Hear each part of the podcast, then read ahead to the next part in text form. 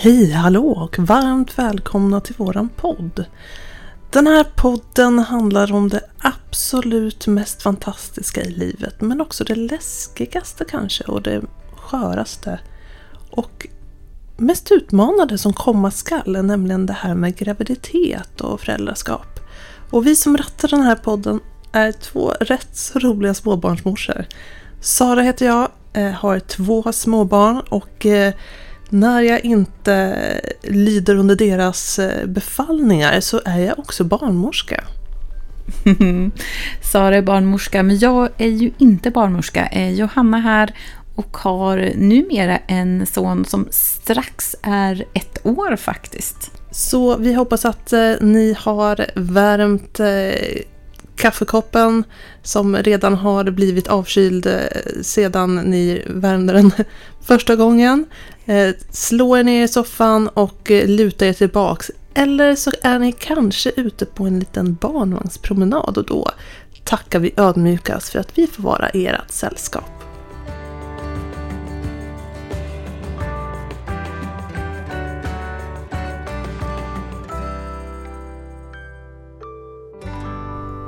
Då undrar jag Johanna, vad har du ruvat på för ämne och eh, vilka frågor har poppat upp i din roliga och alldeles fantastiska lilla hjärna? Jo men Sara, min lilla hjärna har ju klurat på flera frågor. Men vi går ju in i månad sex nu. Och eh, det händer väldigt mycket med kroppen. Eh, och också just, jag vill veta typ, när ska man tänka på att gå hem från jobbet. Hur viktigt är det att varva ner? Och eh, jag vet att det här är någonting som du klurar på, men vi ska prata om sex idag. Klurar på? Du menar mitt eh, favoritämne? ja, men jag tänker att så här, sex är alltid trevligt att prata om. Sex är alltid trevligt att prata om och eh, jag tänker väl att du kanske snarare syftar på att jag jobbar lite med sex. Det är väl lite min en del av barnmorskeriet, tänker jag.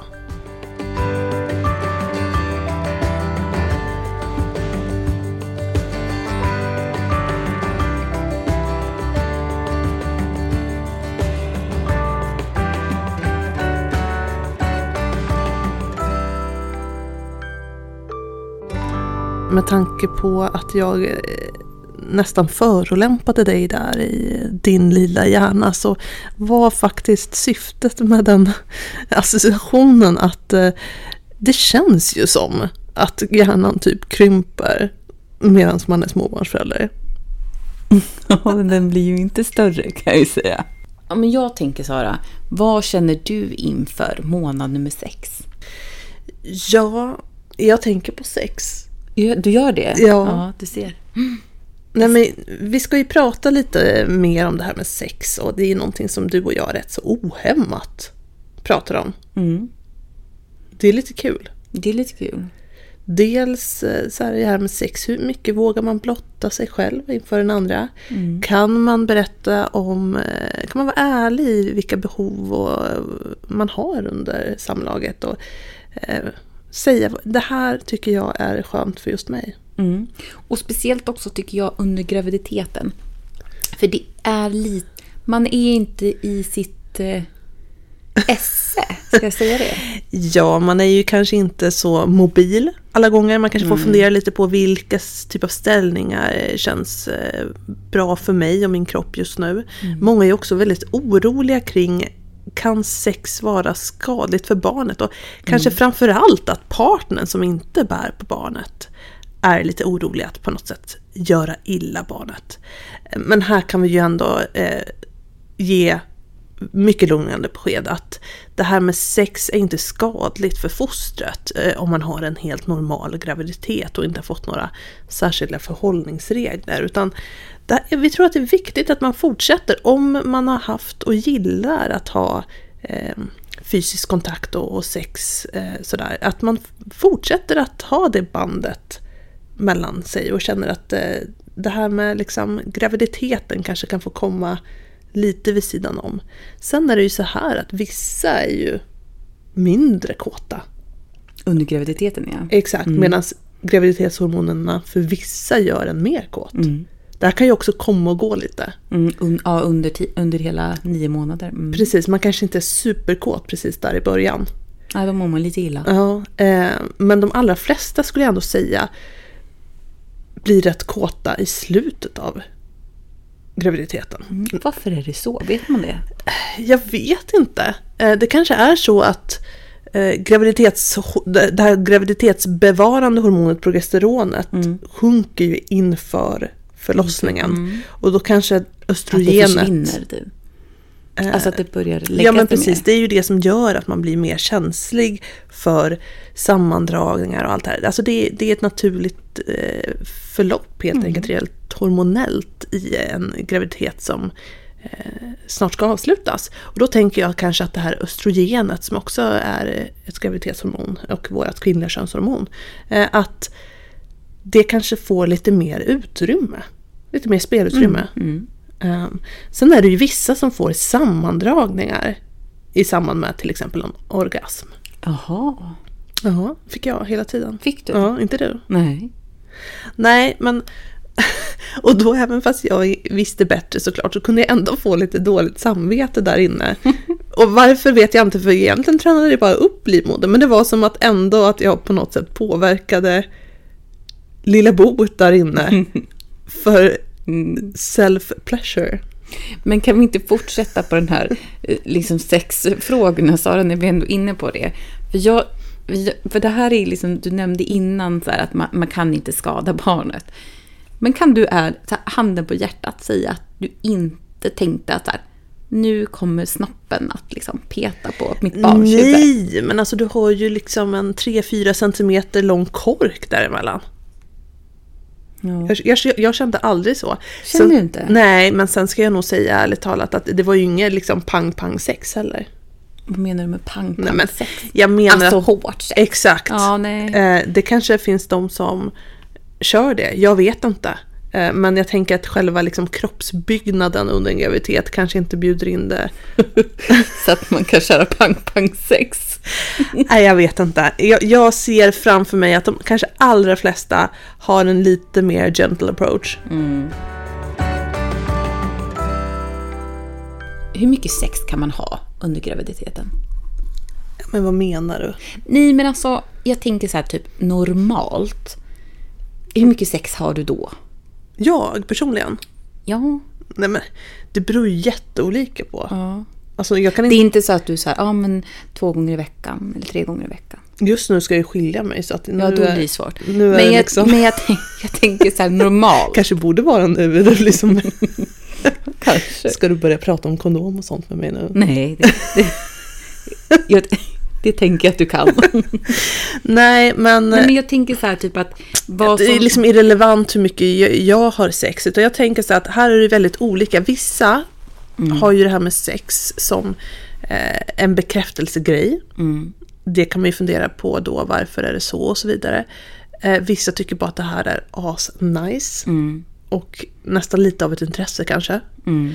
Eh, vissa eh, ja, men ser just det här med den fysiska beröringen eh, som sexet just innebär eh, som en central del i ens kärleksrelation. Mm. Eh, personligen eh, så tänker jag inte jag prata om mitt sex men jag tycker att det är otroligt mysigt med det där omkring. Mm.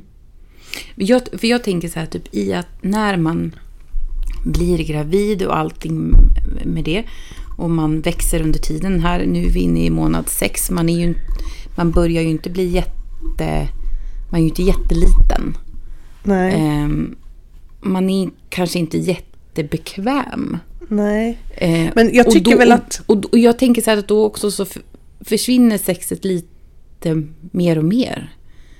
Men hur var det för dig Johanna? För jag tänker att du, Ja, jag- av oss två är ju du den sexuella varelsen. Ja, och det var ju jättejobbigt. För att jag ville inte alls ha sex. Nej. För jag tyckte inte att jag... jag Var sexig. nej, Du kunde inte se kroppen Nej. som liksom sexuell. nej, inte alls. Och så, så var jag, eh, om jag då ska lägga handen på hjärtat, tyckte ju jag så här, jag bara, "Nej, nu petar snoppen på huvudet. Ja. Det här känns så konstigt. Och som du pratade om, pang-pang-sex. Nej, men alltså det... Nej, det kunde jag inte ens tänka Men mig. kunde, du- alltså, jag tänker, här är vi ju också väldigt olika, men det här med oralsex då? Nej. Nej. Då är det, det är i alla fall inget pang-pang-sex. Nej, det är verkligen ingen pang-pang-sex. Men just att så här, typ från att ändå gå till att ha regelbundet sex flera gånger i veckan till att så här, mm, kanske en gång i veckan. Ja. Men då kunde du ändå slappna av. När vi väl hade sex. Ja. Ja. Men jag, det var inte så att jag bjöd in till det. Nej. Men om vi tänker så här Johanna. Du som annars har det här med sexet. För det har ju du varit ärlig med och sagt att sexet är en, en del av din, en stor del av din bekräftelse. För er som par. Fick du den här bekräftelsen då på annat håll? Eller kunde du liksom, var den irrelevant när du var gravid? Jag vet inte, jag har inte tänkt på det. Nej, men jag fick nog det på annat sätt. Ja. Då var det okej för dig att, som jag tycker, ligga och bli killad i håret i, Ja. i soffan. Ja. Kan vara minst lika mysigt som... Mm. Mm. Det kanske också är så här att jag tänker att om man nu är osäker på ens relation, nu Mm. kanske du inte var det och det kanske inte var den typen av bekräftelse. Nej. Men jag tänker att om man skulle känna liksom att, att den andra personen har eh, haft ett övertag och så vidare, man kanske är osäker på vad är vi på väg och sådär. Då kanske det här med alltså, att Ja, vara gravid, Mm. man kanske redan har det, den tryggheten. Liksom. Mm. Att det är ändå vi nu, vi går mot något ännu mer vi i, i, den här, i det här barnet. Mm. Ja, bra tanke. Men jag tänker också så här, typ, du som, om, om vi nu ska prata sex och du som barnmorska, Sara. Hur, vad får man för frågor som, som Barnmorska. Barn, ja, som barnmorska. Nej men det är ju oftast det här äh, med, är det skadligt att ha sex? Ehm, och Ja, det är den frågan. ja, och som, som jag sa tidigare att eh, har man en helt normal graviditet och man inte har fått några speciella förhållningsregler så är sex absolut inget farligt. Utan jag tror att det är mer psykiskt i eh, hur, och där framförallt partnern eh, tänker att man på något sätt skulle skada eh, fostret. Sen är det väl kanske så här också att har man haft mycket eller många missfall sedan tidigare. Man kanske har försökt det hela livet. Eh, ja, inte hela livet men sen man eh, bestämde sig för att försöka att få barn. Att eh, det har tagit lång tid. Då kanske man känner att nej men gud, jag vill inte riskera någonting. Eh, jag, jag vågar absolut inte Att man göra... blir mer orolig. Ja, och det är helt förståeligt. Mm. Men samtidigt i efterhand kanske man då sitter och tänker att nej men gud, jag hade velat njuta under min graviditet. Jag hade velat träna på som vanligt. Och vi vet att det finns så mycket hälsofördelar av till exempel träning. Nu gled vi eh, från In på träning, mm. In, in på träning, men det här med att vara rädd för saker som eh, är omkring i... i Men det är återigen till det här, att så här, det som du pratar om hela tiden. Njut av och var lycklig i nuet när man är gravid. Men det är så svårt. Det är jättesvårt. Och det är eh, så frustrerande när man sitter där med sin ångest eller vad det nu kan vara. Att någon bara kommer och försöker att slappna av och njuta Ja, lite. nej, det blir- alltså, jag blir nästan går irriterad. Ja, det går ju inte. Nej. Eh, Men samtidigt så sitter ju många eh, som jag i efterhand och jag menar jag var otroligt orolig under framförallt min andra graviditet. Jag har ju pratat lite om det tidigare. Mm. Och då var det framförallt sjukdomar och sånt, som, eller att något skulle ta sig in i, i en livmoder som jag var orolig för. Mm. Ehm, och kan ju ångra lite i efterhand. Att du inte njöt mer. Ja. Å andra sidan, det går liksom in, det, det är som när man ångrar att man inte tog epidural eller att man ångrar att eh, man tog epidural. Alltså det går inte att sitta i efterhand Nej. att, men att, att ändå försöka och lita på att, att livet är fint och livet är normalt och graviditeten är normal. Det tror jag eh, är viktigt. Mm. Jätte. Sen blir man ju visare med åldern och nu är jag ju ändå några år äldre. Så att... Om man säger så här nu, jag tänker vi är i månad sex. Två tredjedelar av graviditeten är nu avklarad. Eh, Vi är månad sex och fast man kanske inte tror det så börjar vi närma oss slutet. Jag minns att när jag var i vecka 30, alltså i slutet av den här månaden, då, såg, då insåg jag att här, det är tio veckor kvar. Ja. Det känns väldigt eh, nära då när man har gått igenom de här andra veckorna som känns som att de aldrig tickar på. ja, jag tyckte nog snarare tvärtom att de här sista veckorna bara kröp fram faktiskt. Tyckte du? Ja, Då tyckte jag det, då började det pinna på tyckte jag. ja, men sen blir man ju också så det är ju så här att efter vecka 30 där så börjar ju kroppen bli lite tyngre. Omkring vecka 30 eh, så känner man att nej, men nu, är, nu har man en fin liten kula. Kulan är såklart fin innan också men den är rätt så Ja men det är en, en, en putande mage, det är verkligen en gravidmage för de allra flesta. Eh, och man är fortfarande rätt så mobil. Ja, alltså det, det är som du säger, man ser gravid ut men man är inte Över, över, eh, övergravid. Nej. Och så de allra flesta tycker att de mår väldigt bra här. Ehm, Man mår väldigt bra här. ja, de allra flesta. Eh, Det finns ju vissa som har eh, jättejobbigt med foglossning och, ja. och extremt illamående och så vidare. Men de allra flesta eh, tycker ändå att de har fått tillbaks liksom, välmåendet och allt det här innan man blir för för stor blir man ju inte men det blir ändå påtagligt för resterande kroppen när, när graviditeten blir tyngre. Men många omkring den här veckan börjar ju också fundera på, eller nu kanske jag gör, många gör nog inte det, utan det är jag som försöker påminna dem om det här med hur länge ska du jobba till egentligen? Mm. Ja, för jag, det här är ju månad sex och jag jobbade fortfarande då. Eh, det här, Du hade ju rätt fysiskt jobb. ja, och det här är ju jätteolika för jag gick ju hem tidigare. Jag gick ju hem, och nu blev det lite senare än vad jag skulle gå hem. Men jag gick ändå hem två månader innan. Ja. I alltså månad sju. Ja, Och- och man kan ju ju- få det här, man kan ju få graviditetspenning från vecka 32. Om det är så att man har ett fysiskt ansträngande jobb. Och här är det lite olika saker som spelar in och det är framförallt Försäkringskassan som avgör det här. Men man ska beskriva, man ska ansöka om det här, man ska beskriva om hur ens arbetssituation ser ut, hur mycket, hur stor möjlighet man har till till exempel raster och vila eller bli ersatt av kollega.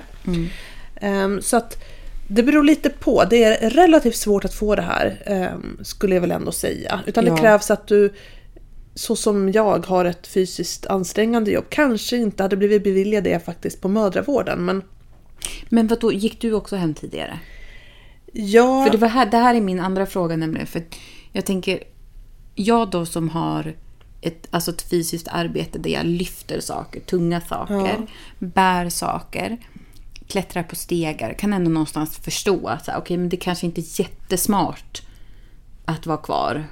Just för att man inte orkar och så här. Men, men så tänker jag så här, du har ju ett ganska istället då utsatt jobb. Ja, alltså du jobb, vi kan ju säga det att du jobbar ju i en butik. Ja. Ja, så där kan ju du packa upp varor och grejer. Det jag funderar på är ju däremot, varför kan inte en kollega hjälpa dig med att lyfta upp de där varorna? Jo, absolut. Och det, det gjorde de ju många gånger. Men det är inte hållbart i längden. Nej, men jag kan ju jag kan ju inte vara beroende av en annan person Nej, hela tiden. hela tiden. Jag måste ju fortfarande kunna göra mitt jobb. Jag förstår. Nej men mitt jobb, eh, på mödravården så skulle man kunna anpassa det, det vill säga man ska sitta i telefon och sådana där grejer. Just men där jag jobbade när jag var gravid, första gången så jobbade jag på akutmottagningen. Där gick det initialt inte att eh, vara mer försiktig i arbetsuppgifterna. Ja, det. Och Det dessutom är det mycket hot och våld på akutmottagningen. Och det är en rätt så stor grej hos Försäkringskassan. Att eh, man vill ju inte bli utsatt för hot eller våld som gravid. Nej. Det är samma sak med poliser till exempel. Ja, just det. Men sen så vart jag så otroligt uttråkad av det här med att vara hemma. Så jag tjatade och gnatade mig till att jag var också koordinator på den tiden. Och då satt, man och, satt jag och eh, placerade ut alla inläggningar från akutmottagningen på sjukhuset. Eh, Så att då satt jag och gjorde det enbart. Och då jobbade jag faktiskt till vecka 36. Ja, det var så. Ja. Eh, I mitt, under min andra graviditet så var jag ju förlossningsbarnmorska. Mm. Eh, Så att där fick det bli till vecka 32 och jag hade sån extrem foglossning så att Ja, till, ja, till vecka 32 där eh, så var jag faktiskt eh, framförallt på specialistmödravården. Mm. Men det är mycket spring in och ut, på med CTG-doser, det glappar från CTG-dosan in och justera. Det är just det här plötsliga rör, rörelserna som var kämpigt. Mm. När vi är ändå inne på det här att där, klura på när man ska sluta jobba och så här, så har jag också en fundering på hur viktigt är det att börja varva ner och när ska man börja tänka på det? Ja, men de, det är ju många som frågar när ska jag sluta jobba? Och det kan ju inte jag bestämma. Eh, folk tycker gärna att det är skönt att barnmorskan bestämmer eh, och beslutar och sådär. Är det någon som frågar dig så här, när tycker du att jag ska sluta Ja, jobba? ja, ja. Alltså, Men det kan ju inte du svara på. nej. Men det är väl som allt annat i graviditeter de gärna vill säga. Men, eh, kan inte du bestämma? Eh, nej, jag kan inte bestämma när du ska sluta jobba. Det beror på hur du själv mår. Det beror också på vilken typ av graviditet du har haft. Eh, om det finns en ökad risk för att eh, ja, föda för tidigt helt enkelt. Sen beror det också på vilken typ av jobb du har. Och sen mår vi ju alla olika bra av att ha mycket att göra. Jag blir knäpp om jag sitter hemma och bara rullar tummarna till exempel.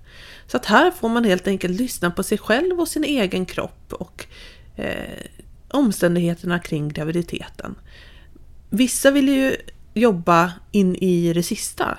Eh, Där kanske livet består till stor del av jobb. Man identifierar sig med sitt jobb och så vidare.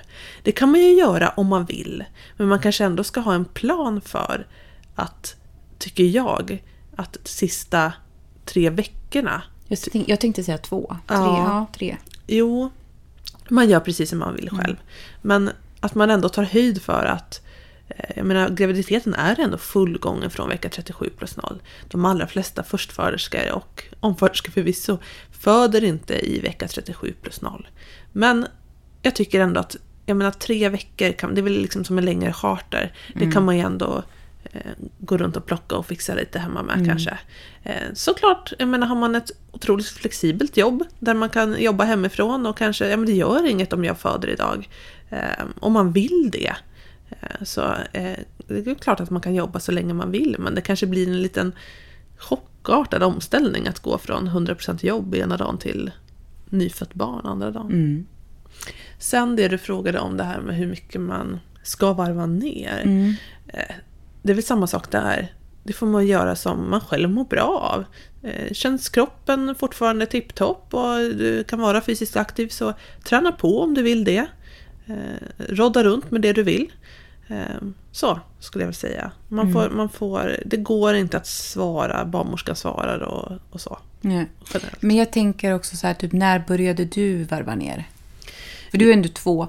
Har du gjort olika? Ja, men med första barnet där, då hade jag ju extremt foglossning tidigt och var eh, sjukskriven där. Jag kommer ihåg att jag satt och pärlade till Musikhjälpen och var extremt uttråkad. Jag köpte all form av terapi som jag kunde göra just för att jag kunde inte röra mig.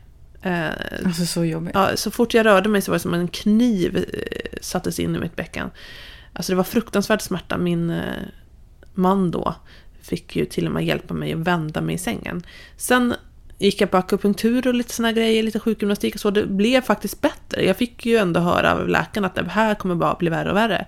Men och så oftast är det ju med foglossning, men det vart faktiskt bättre för mig när jag slutade vara så aktiv. Jag är ju rätt aktiv innan annars. Mm. Ehm, så att det kanske var det som också hade triggat igång det. Men så när jag höll mig stilla så vart det bättre. Så att jag bönade ju som sagt och bad om att få komma tillbaks. Och det kanske var det att jag var så uttråkad redan tidigt i graviditeten att jag gjorde, som gjorde att jag gick hem då vecka 36. Mm. Så det var alltså en månad innan förlossningen och jag tyckte det var precis lagom. Med andra barnet så var jag ju hemma från vecka 32. Och det var jätteskönt. Men det var ju för att jag hade haft ett litet barn att ta hand om och hade ju det däromkring. Han var ju på förskolan några timmar om dagen. Eh, Så att eh, det gjorde Då mig kanske då det är inget. lite annorlunda. Ja, jag tror man eh, mer välkommet tar emot lite Mm. egen tid eh, eh, när man har... Barn nummer två. Eller, Exakt, Ja, ja. mm. Jag tänker också så här, typ, vi, vi pratar om varva ner och sådär. För mig, alltså jag blev så trött Sara. Alltså, jag, den första tiden så sov jag bara. Mm. Av gravid- Alltså det, Det var En dimma. Det, det var en dimma. Och nu kände jag så här, absolut inte samma känsla. Men jag var så trött. Varför är man så trött nu? Alltså nu känns det som att här, men nu borde jag inte vara trött längre. Pratar du nu om vecka 30? ja, men det här, blir ju någonstans, nej, men det här blir ju någonstans i vecka 30. Börjar ju tröttheten komma Men tillbaka. det kanske är så att när kroppen, eller när graviditeten ändå är inne i liksom slutskedet på graviditeten, så kanske det är kroppen som också säger shit, att nu behöver du eh, vila lite. Nu vill jag som gravidkropp vila lite. Mm. Eh, sen tror jag nog också att när man väl sen börjar sluta jobba, så kanske den här kontrasten från att ha kört på i 120 ehm, slår en lite. Att man kanske bara blir trött av omställningen. Sen är ju graviditetshormonerna eh, olika beroende på, alltså det är inte olika typer av hormoner, men nivåerna kan ju eh, Variera, variera ja. efter graviditeten. Och jag tycker, är, man, är det så att man känner att man behöver vila, då ska man vila om man har möjlighet. Det är inte alla som har möjlighet till att eh, eh, få graviditetspenning i vecka 32. Men man kanske har möjlighet att ta det lite lugnare på helgen och så vidare. Mm. Ska vi ta min favorit? Alltså Sara, så så här är det. Jag har ju älskat de här frukterna Ja. som, som jag har kollat Ja. under. Så här. Men är inte det för att som icke-barnmorska att det blir lite mer eh, verkligt om man kan associera det till en fysisk grej? Jo, men det är det. Men jag kan, jag kan känna så här. Alltså du dissade mig ganska hårt sist för att i sista, sista veckan där så gick vi in och det var ju ett blomkålshuvud. Ja, och det är ju ingen frukt. va? Nej. Kommer du nu med en, en grönsak igen? Ja, ja men, men jag kan känna lite så här efter de här avsnitten så kanske jag kan ge det lite, lite att jag känner att jag glider in på ditt spår. Ja. Du börjar dissa frukterna lite? Ja, för att jag, alltså jag kunde inte sluta googla sen vi pratade. Nej. För att jag tänkte så här, "Ah, men blomkål, det kanske är en frukt. Ja, det är en filosofisk fråga. Ja, det, så nu, nu känner jag så lite, jag börjar tveka lite, men jag känner fortfarande att det här är så spännande. Ja. Så jag tänker vi fortsätter. Ja. Och då, Är jag väldigt spänd Mm. på Johanna. Vilken frukt har vi kommit till? blomkålshuvud var i vecka 25. Eh, Vi fortsätter med huven och det blir ett salladshuvud. Ja. Ja. Till, Vilken typ av salladshuvud då? Nej men det ja, ett vanligt salladshuvud. Ett snitt salladshuvud. Ja, men vi Prata, pra- nu pratar pr- vi då sån här... Svennebanan. Vi, vi pratar ju alltid svennebanan. Kommer du ihåg svennebanan-jordgubbarna? Ja. Vi kör salladshuvud. Är det isbärssallad? Ja, Okej. Punkt. punkt. Och då... Så nästa vecka där, nej då är det en kålrot. Jag kan ärligt säga, jag vet inte hur ser en kålrot ut? Vet Alltså väldigt stor skillnad tänker jag i formen på ett... sa- Ja, och det är det här, det är det, nu därför jag känner så att jag börjar liksom glida in. Mm. För att nästa då är aubergine, säger man så?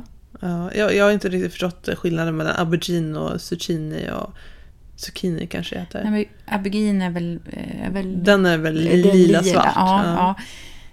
Men vad är skillnaden på, på squash och... eh, Nej, pass. Pass. Jag har ingen aning. Men, men sen då kan vi någonstans... E-kollon squash. Alltså jag undrar, vad är det för sida du har googlat E- upp Johanna? Jo, men det är en jättebra sida. Jag tittade på den här hela tiden, men nu börjar jag liksom frågasätta. För jag undrar, e-kollon squash, jag vet inte vad det är. Men, Det känns som en mindre form av squash. ja. Och men definitivt är ju ingen jättesmå. frukt. Nej. Ja, och då, nu går vi över till liksom det som jag gör att jag blir lite så här, kanske ska ifrågasätta det här. För att nu, sista veckan i vecka 30, då är det en gurka. Ja, man får nog dela den där gurkan på två och lägga bredvid varandra i så fall. Ja, jag tänker, för den är ju väldigt lång. Jag tror nog att den där gurkan snarare eh, belyser längden på fostret som ju i den här veckan kan vara högst individuell. Men okej, vi enas om att vi har gått då från en, eh, vad sa vi, ett salladshuvud. Ja, till en gurka. Ja. Jag tänker snarare så här. Den är en gurka med ett salladshuvud on top. Punkt. Vi brukar också prata om faktadel under de här månaderna. Och nu i månad sex så tycker jag det är ganska häftigt. För att vikten i början av månaden har nu passerat ett kilo strecket. Mm. Kanske också därför man börjar känna sig lite tung, tänker jag. Jag tänker på ett, vad tänker du på när du hör ett kilo? Ja, mjölkpaket. Ja, det gör med. Mm. Och även att hörseln blir mer utvecklad. Alltså förut har den ju, alltså den hör ju, men den, den kan även hoppa till när det blir ett kraftigt ljud. Ja, sinnen utvecklas ju en hel del Ja, under den här tiden. ja. Eh, och också någonting som jag tycker är häftigt, att, att barnet öppnar och stänger ögonen. Mm. För de har faktiskt varit stängda tills nu. Och jag som barnmorska kring det här med vecka 30 eh, börjar ju andas ut lite mer och mer. Det är ju vissa hållpunkter kring det här om man skulle råka födas för tidigt. Eh, det är ju efter vecka 28 som de allra flesta barn klarar sig. Mm, det är så häftigt. Ja, och efter vecka 32, ja men då är det ännu mer tryggare om ett barn skulle födas. Sen såklart beror det på om det är ett sjukt barn eller ett friskt barn som föds och så vidare. Och hur stort barnet är. Men det, det är ändå, här vid vecka 32 eh, minns jag själv att jag började andas ut lite. Mm. Om jag skulle råka föda. Jag klurar på, efter de här faktafrågorna Sara, angående för tidigt födda barn, alltså prematurbarn. Mm. pratas inte så mycket om det och alltså det här med när man får ligga på nio och sånt. Mm. Hur, hur vanligt är det att, eh, att, att, att barn föds så tidigt? Men det är ju ovanligt. Men däremot är det vanligt att man, får att man spenderar något dygn eller så på neo, till exempel. Eh, Det är ju så att den här omställningen från att eh, ligga i livmodern till att börja andas luft utanför livmodern, eh, den är stor. Det är jättetraumatiskt för barnet. Och här är det många barn som har svårt att ställa om sig om man får en andningsstörning kanske till exempel. Så att, att hamna på neo, det är inte ovanligt. Man kan behöva ligga där med sitt barn några dagar och få hjälp med att ställa, ja, helt enkelt eh, hjälpa barnet att ställa om till att andas luft. Men det är inte så många som pratar om det. Nej, och det är många som har legat på neo med sina barn som önskar att "Ja, men det här skulle vi ha pratat om tidigare och det, vi kanske behöver bli bättre i vården helt enkelt på det här. Men jag har i alla fall skrivit en artikel om det här inne i Baby Journey-appen. Så att fundera ni lite mer kring det här med neo, eh, fundera ni lite mer vad som händer där och eh, hur är det att eh, eh, Eh, få ett barn som är för tidigt fött och vad innebär de här olika veckorna för risker och så vidare. Det är liksom ett helt avsnitt i sig så att jag tror att det blir lättare för er om ni går in och kikar där om det är så att ni är intresserade. Nu då Sara så börjar de här barnmorsketiderna öka. Och jag vet att jag tyckte det var så himla mysigt för att jag och min sambo gick tillsammans varje gång. Det var några gånger som han var borta i, var i Kina någon gång tror jag. Jag tänker så här, är det nu i den här månad sex som man börjar kolla att barnet har vänt sig? Minns inte du att när han var i Kina där så frågade, ringde ju du mig och frågade kan han åka till Kina? Hur ska jag kunna svara på det? Apropå det här med att du inte Mina tror- frågor? Nej, utan att folk gärna vill att barnmorskan bestämmer. Ja, just det. Det går ju inte. Men i alla fall, Men det är ju trygghet Sara. jag känner att det var tur att jag inte var din barnmorska. Ja. I alla fall eh, så är det ju så här att ehm, Hade du blivit galen på mig?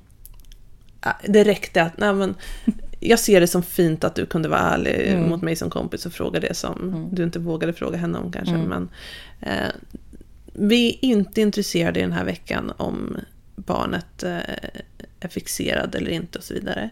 Vi känner ibland i den här veckan, eh, beroende på eh, liksom, bara så att man vet och kanske kan skapa sig referensvärden mot slutet av graviditeten. Det är ju framförallt kanske vid vecka 35 som man är intresserad av. Ligger bebisen med huvudet ner eller med stjärten ner eller kanske på tvären. Eh, min andra tjej, höll jag på att säga, hon är ju min första tjej, men mitt andra barn. Eh, hon låg, minns jag, riktigt sent i graviditeten i tvärläge och spände ut hela livmodern så jag fick otroliga sammandragningar. Men de har ju lite mer plats vid andra graviditeten att, eh, röra sig på. Mhm. Har de? Ja, men bäckenet har ju liksom Ah. eh, blivit mer flexibelt redan under första graviditeten och sådär. Så att eh, är, man behöver inte fixera sig vid det där. Det är inte så att eh, bara för att barnet eh, är fixerat att förlossningen är nära förestående. Eh, så det kan man glömma. Men det är, det är som det här med slemproppen. Det är så otroligt stort fokus vid det här. Är det fixerat eller inte? Och det är ju så att efter vecka 29 så är barnmorskebesöken mer oftare. Här i Stockholm så har vi varannan vecka från vecka 29 som man träffar sin barnmorska om det är första barnet man väntar. Är det andra eller ja, tredje, fjärde, femte, jag vet inte hur många barn ni där ute ruvar på. Men då är det var tredje vecka om allt är normalt i graviditeten. Mhm. Varför är det oftare vid första barnet? Jo men dels så har man ju en graviditet att förlita sig på innan, det vill säga man Man vet vad som händer Ja, men jag tänker så här, vi vet att det kanske har varit en normal graviditet då första gången. Och då är ju risken lägre att man till exempel skulle få havandeskapsförgiftning och sådär Mm. andra graviditeten. Mm. Framförallt om man har samma partner. Eh, Men sen är det också så att det här med, man kanske inte har samma behov som omföderska av information och stöd och sådär. Är det, det kan ju absolut vara såklart att jag menar, livet kommer emellan och, och som för mig, man kanske var mer orolig. eh, Gång nummer två. Gång nummer Mm. två. Men här är det ju individuellt såklart. Är det så att man behöver träffa sin barnmorska oftare, så säg till. Nu är vi också i eh, tredje trim- trimestern. Det var ett svårt ord, Sara. 33. ja. Trimestern. Och jag upplevde ju att det började ju pinna på. Det började gå lite fort. Du tyckte att det var började bli... gick ja, långsamt. Ja. Jag tänker också de här gravidsymptomen som man får. Förstoppning, det börjar, det börjar liksom eh, bli lite trångt ja. eh, där nere. Och, vilket gör att eh, det är lite svårt att gå på toa. Ja, man behöver inte vara orolig för att man liksom ska krysta ut sitt barn. Det kommer man ju inte göra eh, genom att eh, gå och bajsa. Men Nej. det som är, är återigen, se till att inte vara förstoppad. Om du sitter och trycker där redan nu med, tillsammans med de här graviditetshormonerna, det är så lätt att få hemorrojder Mm. det är inte så kul att dras med sen. Så att glöm inte bort det här vi har pratat om tidigare. Vikten av att ha eh, en perfekt avföringskonsistens. Mm. Nej, men eh, skämt åsido. Eh, rör på er så att tarmarna kommer igång. Drick mycket vätska och eh, ät mycket fibrer som den här vätskan kan binda till. Äter ni massor med fibrer och inte dricker, nej, men då blir det tvärtom. Då blir man mer förstoppad. Eh, sen är det så här att det funkar inte för alla eh, med kost och, och motion. Man är trög i magen ändå. Eh, för att vi måste ju också tänka på att det är två saker som spelar roll kring det här med avföringen. Dels hur väl dina tarmar drar ihop sig, kan man säga. Och dels hur eh, innehållet i tarmarna ser ut. Vissa av oss har långsamma tarmar och det går nästan inte att påverka dem.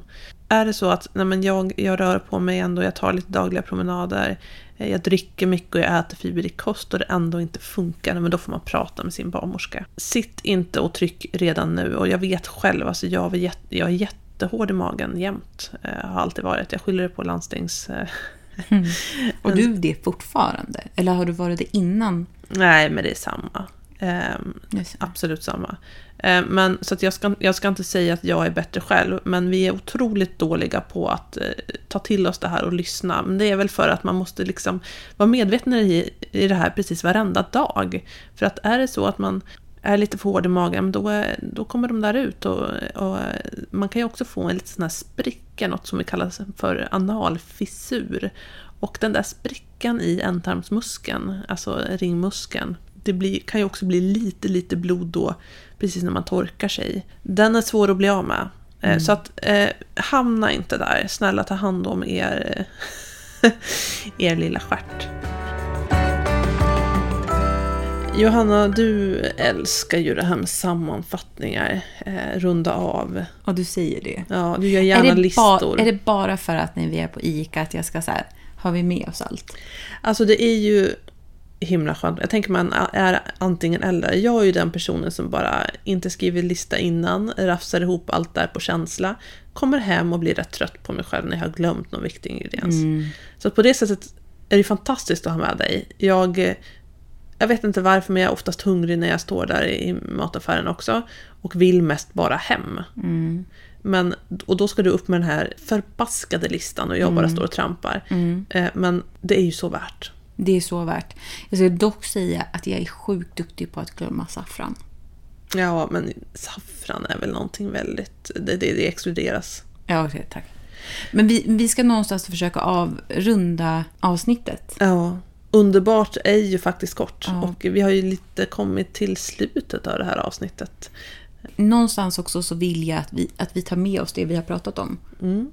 Och, och jag tänker, det som vi tog upp först det, all, det, det allra gosigaste men också det sexigaste. Mm. Vi har pratat om sex. Ja, vi har pratat om sex. Och att det i de allra flesta fall är bara att köra på så som man tycker mm. att det är, man gillar det. Mm.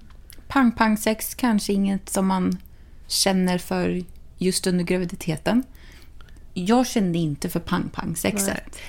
De flesta gör väl inte det, men jag tror att det absolut viktigaste är det här, för vi har ju pratat om det här med bekräftelse också. Mm. Det är att man ändå pratar med varandra mm. som par. Att jag känner inte för att ha sex lika ofta nu kanske. Mm. Ehm, och det här beror inte på dig som partner. Jag tror det är jätteviktigt. Mm. Jätte, jätteviktigt. Då kan man fråga hur kan vi bekräfta varandra på annat sätt och så vidare. Sen är ju det här övergående med all respekt för att det kommer ut en liten bebis så det kanske blir ännu mindre möjlighet. Mindre sex. Ja, både sug, sug och tid. Mm. ja. Men eh, eh, prata med varandra. Prata med varandra. Och just eh, det som vi också har pratat om idag är ju faktiskt när ska man klura på att gå hem från jobbet? Mm. Jag vet att den frågan är svår och jag vet att man jättegärna vill fråga dig Sara om när man ska gå hem.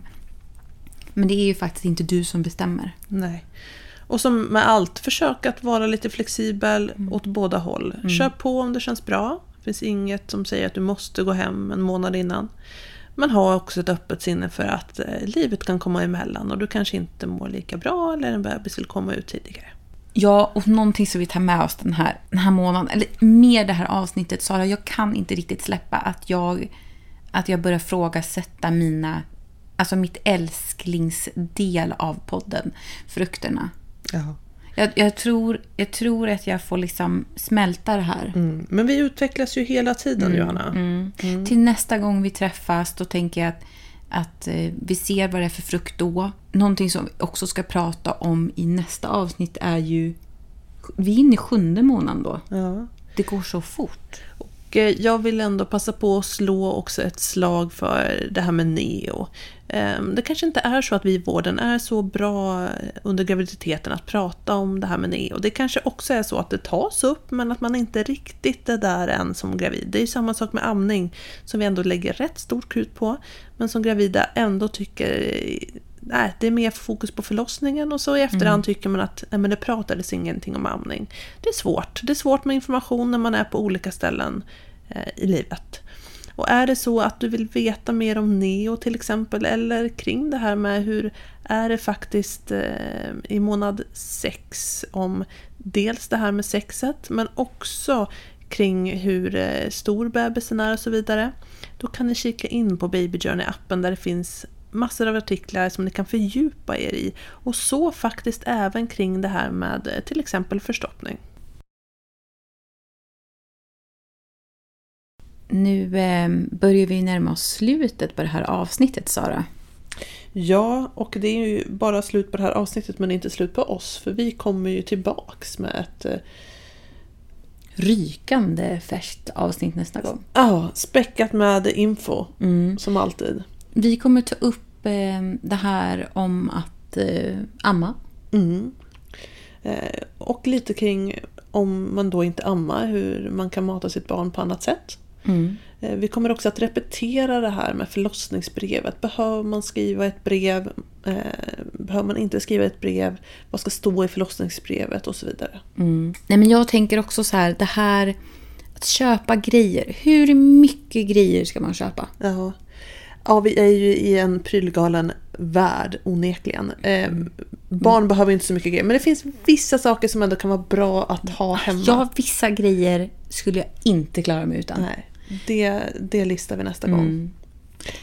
Och Det- sen ska ja. vi, vi ska prata om det här med föräldraledigheten också. Eh, Väldigt viktigt. Ja, hur eh, tänker man sig att man vill eh, fördela föräldraledigheten? Kommer man fördela föräldraledigheten?